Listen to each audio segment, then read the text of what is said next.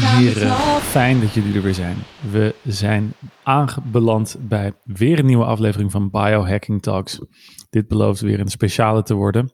Ik zit hier natuurlijk weer met Eduard. Eduard, jongen, welkom. Hoe is Dankjewel, het? Robert. Het gaat uh, uitstekend met mij. Uh, uiteraard ook dankzij mijn ochtendritueel die ik weer heb doorlopen vanochtend. Uh, mijn hele Wim, Wim Hof ritueel, wat daar onderdeel van is en waar we het uh, nu ook over gaan hebben. Dus uh, ja, dat is, dat is wel, wel fascinerend. Ik, ik, duik, ik heb de neiging om dan meteen weer in de diepte te duiken, om dan te gaan praten over hoe geweldig het effect is van zo'n Wim Hof. Maar, nou ja, misschien, ik weet niet of we eerst nog een keer moeten uitleggen. ik denk, we hebben het natuurlijk al een aantal keren gehad hierover. Ik weet niet of we het nog een keer moeten uitleggen wat we precies eronder verstaan. Maar uh, voor mij is het in ieder geval een combinatie van uh, ademhaling en uh, koude. en ik heb dus gemerkt, en daar, daar ben ik nu, reageer ik nu even heel enthousiast nu we op dit onderwerp komen, dat ik, ik heb zeg maar mijn ochtendritueel een beetje laten sloffen de afgelopen weken. Mhm. Eh, omdat ik uh, uh, het waanzinnig druk had. En dan denk je van, nou, weet je, dat, dat ritueel kost me twee uur. Als ik er nou een uur van afsnoep, dan heb ik gewoon mooi een uur gewonnen. En kan ik nog eerder kan ik achter mijn computer zitten en de hele dag door rammelen aan die computer. Ja, en dat is dus gewoon een fout. Logisch gedacht. Ja, dat was dus een logische, maar gewoon compleet foute gedachte. want ik merkte dat ik toch wel vaker op ging staan met een een druk in mijn hoofd, uh, niet fit in mijn hoofd. dus ik weet niet of het een brain fog genoemd kan worden, maar uh, het, ik was niet scherp. Het, ik voelde me niet lekker, het was niet oké. En, uh, en toen dacht ik van, nou, weet je, ik moet gewoon weer even de discipline terugpakken en gewoon weer, want oh, ik weet dat ik me in de tijd dat ik dat gewoon doe, dat ik me dan prima voel. En, en gisteren ben ik weer na een pauze van twee weken weer gaan uh, ademhalen. Uh, de het koude douchen en de ijsbaden deed ik gewoon nog steeds. Maar dan, dan sloeg ik de ademhalen even over, omdat dat een half uur kostte. dat moeten we straks even uitleggen of ingaan op, van, op die lengte van het ademhalen. Want jij hebt daar wel hele mooie dingen over te vertellen. en ik kan je vertellen dat zo, met de ademhaling erbij het effect gewoon meer dan dubbel uh, zo groot is hoe je je voelt. Als ik gewoon met een slecht gevoel opstap, opsta en ik doe die ademhalingsoefeningen, het is een wereld van verschil. Nou, en daar geniet ik dus nu nog steeds van. En uh, moet ik dat eventjes kwijt. Nou ja, dat, dat, is, dat is grappig, want uh, die ademhalingsoefeningen, wat ik, wat ik altijd ervaar, en zeker als ik het in de ochtend moet doen, is dat ik er geen zin in heb. Ja. En het is niet per se omdat ik, kijk, ik ben al wakker en ik kan wel gewoon mediteren en mijn, mijn, mijn, mijn oefeningetjes doen of uh, sporten of iets dergelijks. Maar die ademhaling heb ik nooit zin in. Dus ik moet door een bepaalde soort van weerstand heen. Ik heb exact dezelfde. En, en, en dat is de reden waarom het in mijn ochtendritueel zit. Omdat het dan minder wilskracht kost. Hè? Dus op het moment dat je het elke dag doet, ja, dan is het veel makkelijker om over die weerstand heen te gaan. En zodra je het één keer laat schieten en je laat het de tweede keer schieten, ja, dan zit je in een, in een soort, uh, uh, zeg maar, uh, hoe noem je dat? Een, een, een, een, een weg naar het einde, naar, naar de afgrond. Ja. Ja, ja, dan zit je in een kleine schaal. Ja. ja. Nou, dat is, maar, dat, maar dat is wel grappig, want als jij dus nu zegt van ik zie er tegenop, ik herken dat gevoel. Uh, en de luisteraars misschien ook, dat die denken van ja, jeetje, moet ik nou gaan ademhalen? Uh, ik, ik ben wel nieuwsgierig van waarom we er nou tegenop zien. Dat zijn denk ik dat het een, um, een, een bepaalde, met, het is sowieso een mentale hobbel. Want het, uh, het, het, fysiologische effect weten we ervan dat het beter voor ons is. Dus we weten dat ons, lichaam, dat ons lichaam zich er beter door gaat voelen. Alleen waarom doen we het niet? Dan is het dus puur een mentale kwestie. En dat komt vooral denk ik omdat het gewoon een, een oncomfortabel gevoel is in het begin. Om eraan te beginnen.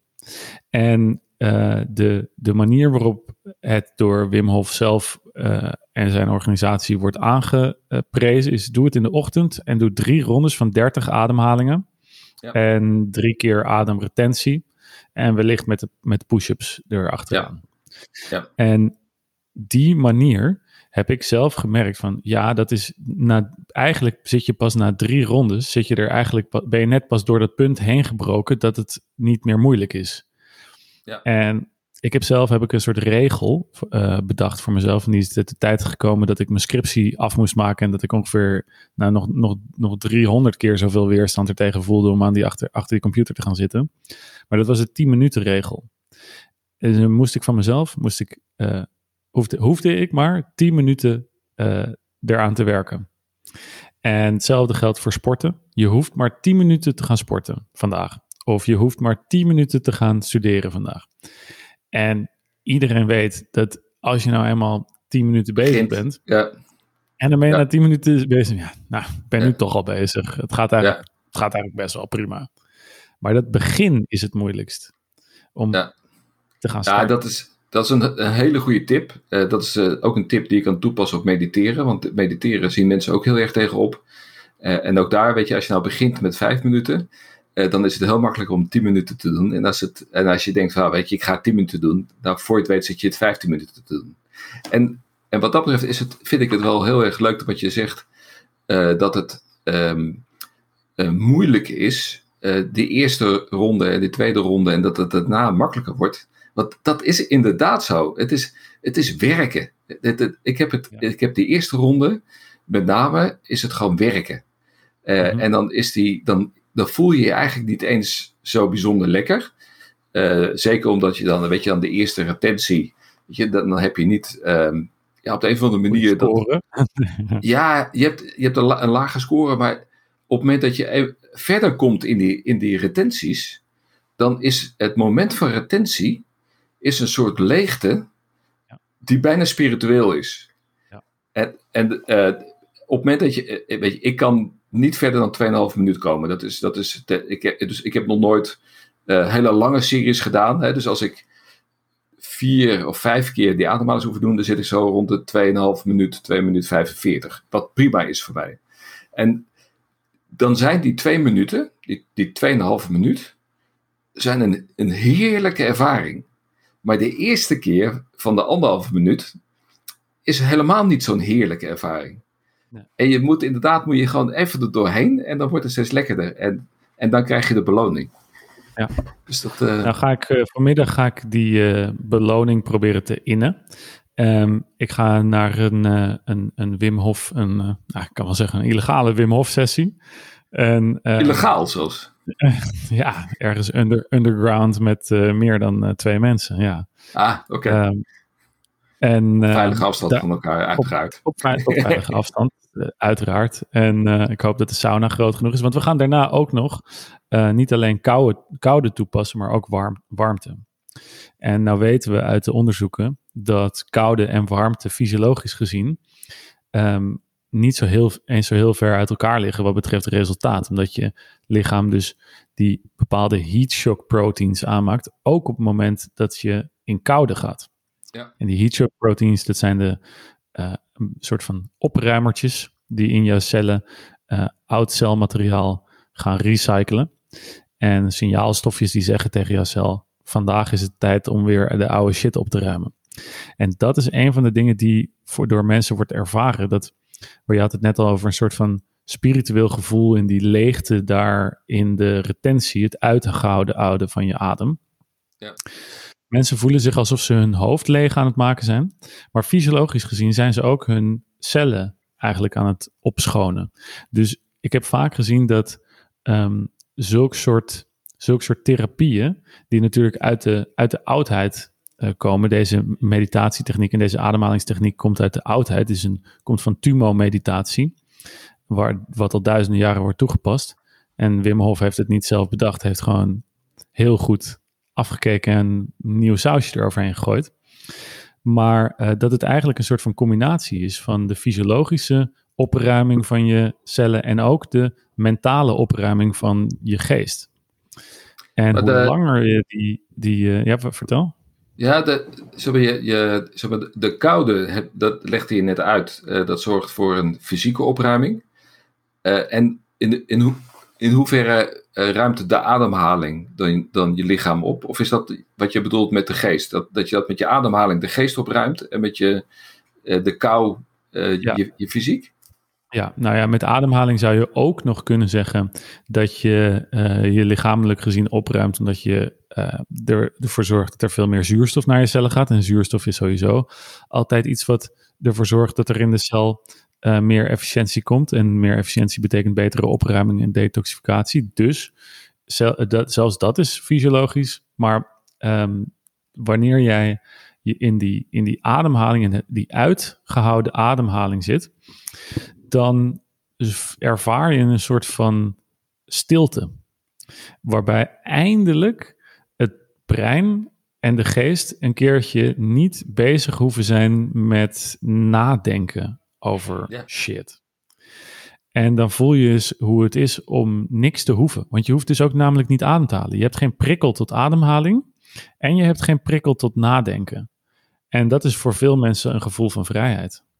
Ja, wat ik, wat ik uh, meestal doe, is dat uh, gedurende de retentie, en volgens mij noemt Wim Hof dat de Wim Hof meditatietechniek. Ik, ik meen dat een keer ergens gelezen te hebben, dat je dus tijdens de retentie een soort mindfulness uh, toepast.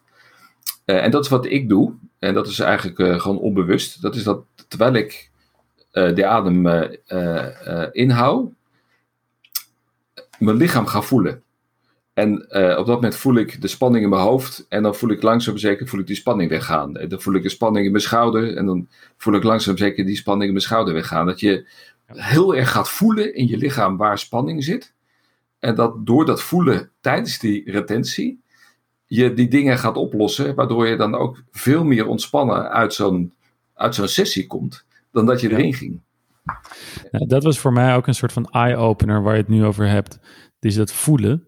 En ik, ik, ik, ik zat altijd van, ja, waar, waar hebben mensen het nou over, weet je?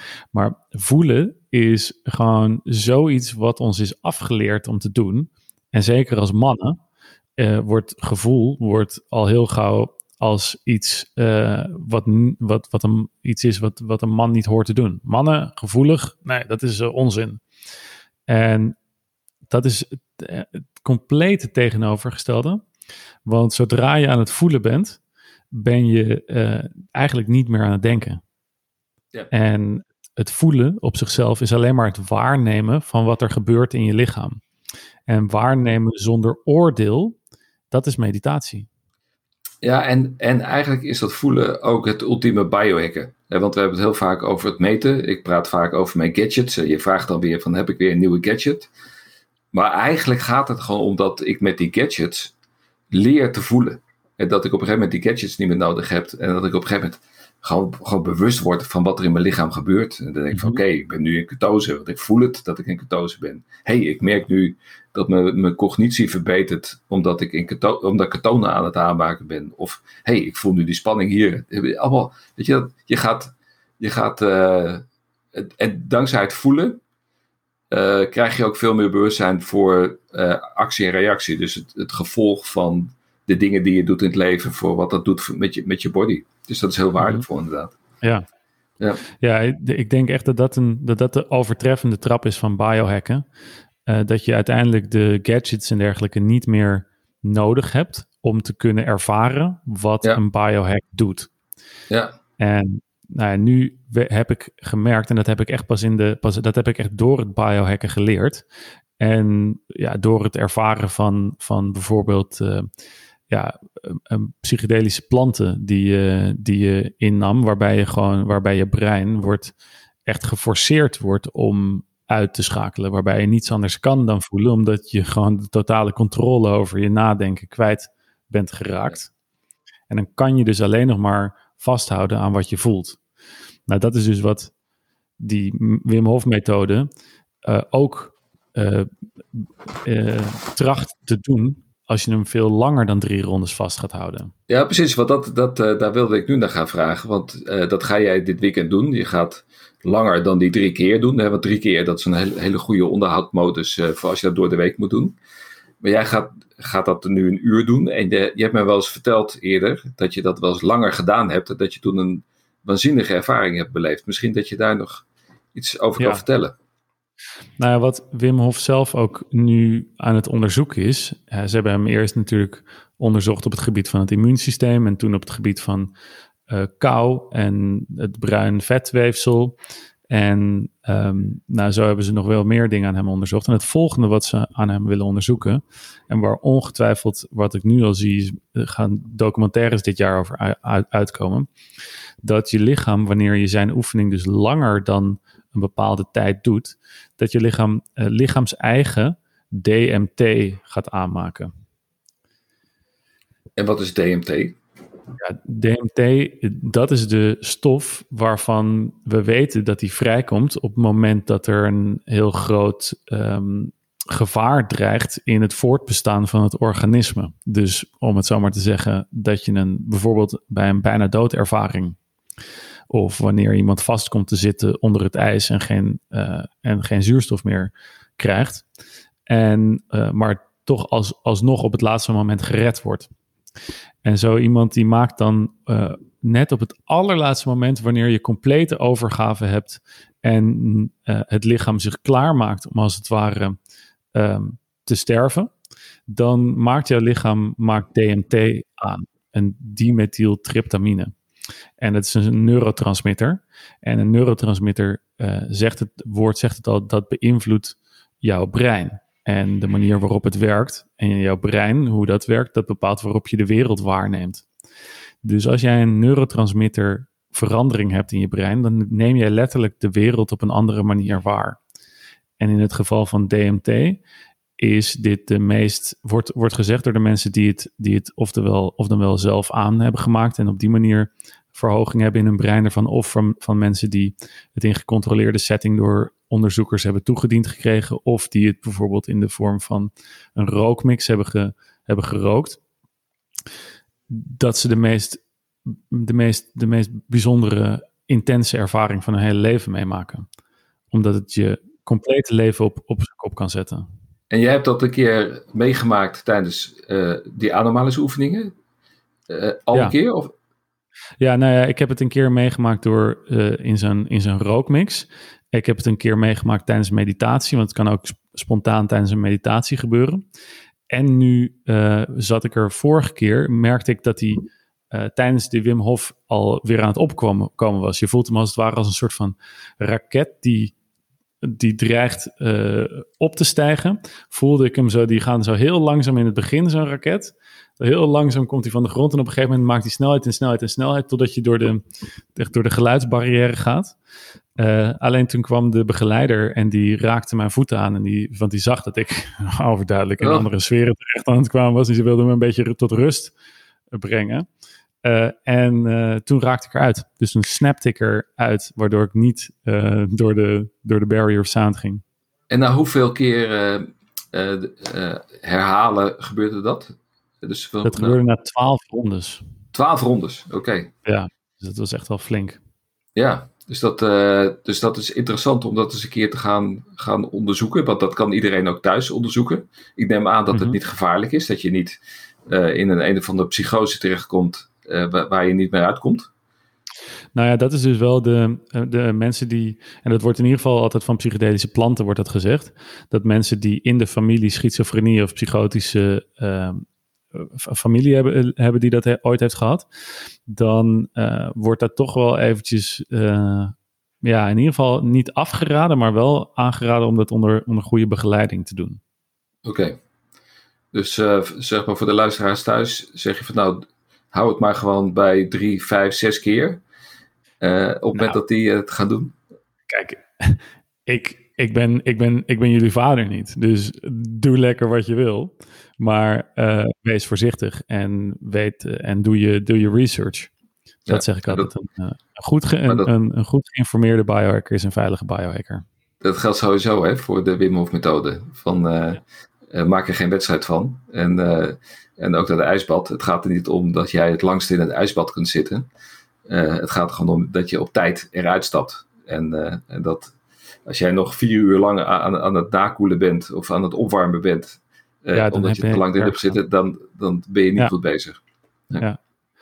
En um, daarmee wil ik eigenlijk ook nog even toevoegen dat uh, ik heb een hele goede ervaring met het combineren van dit soort therapieën in combinatie met dus goede voeding. En die goede voeding die wordt uh, in ons geval wordt die geleverd door Noordcoat, want die kan gewoon fantastische MCT poeder en olie maken. En dat is echt de, de meest bijzondere toevoeging die je kan doen aan je ochtendritueel.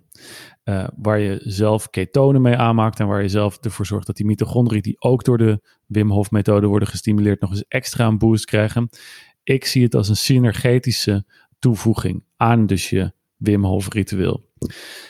Hoe kunnen jullie nou ook deze uh, eh, MCT-olie winnen? Dat kunnen jullie doen door eventjes een review achter te laten of door ons te taggen, at Forgiver, at Eduard de Wilde, in een Instagram bericht waarin jij bijvoorbeeld deze podcast luistert of jouw eigen Wim Hof oefeningen net hebt gedaan. Jongens, ik wens jullie een hele fijne dag.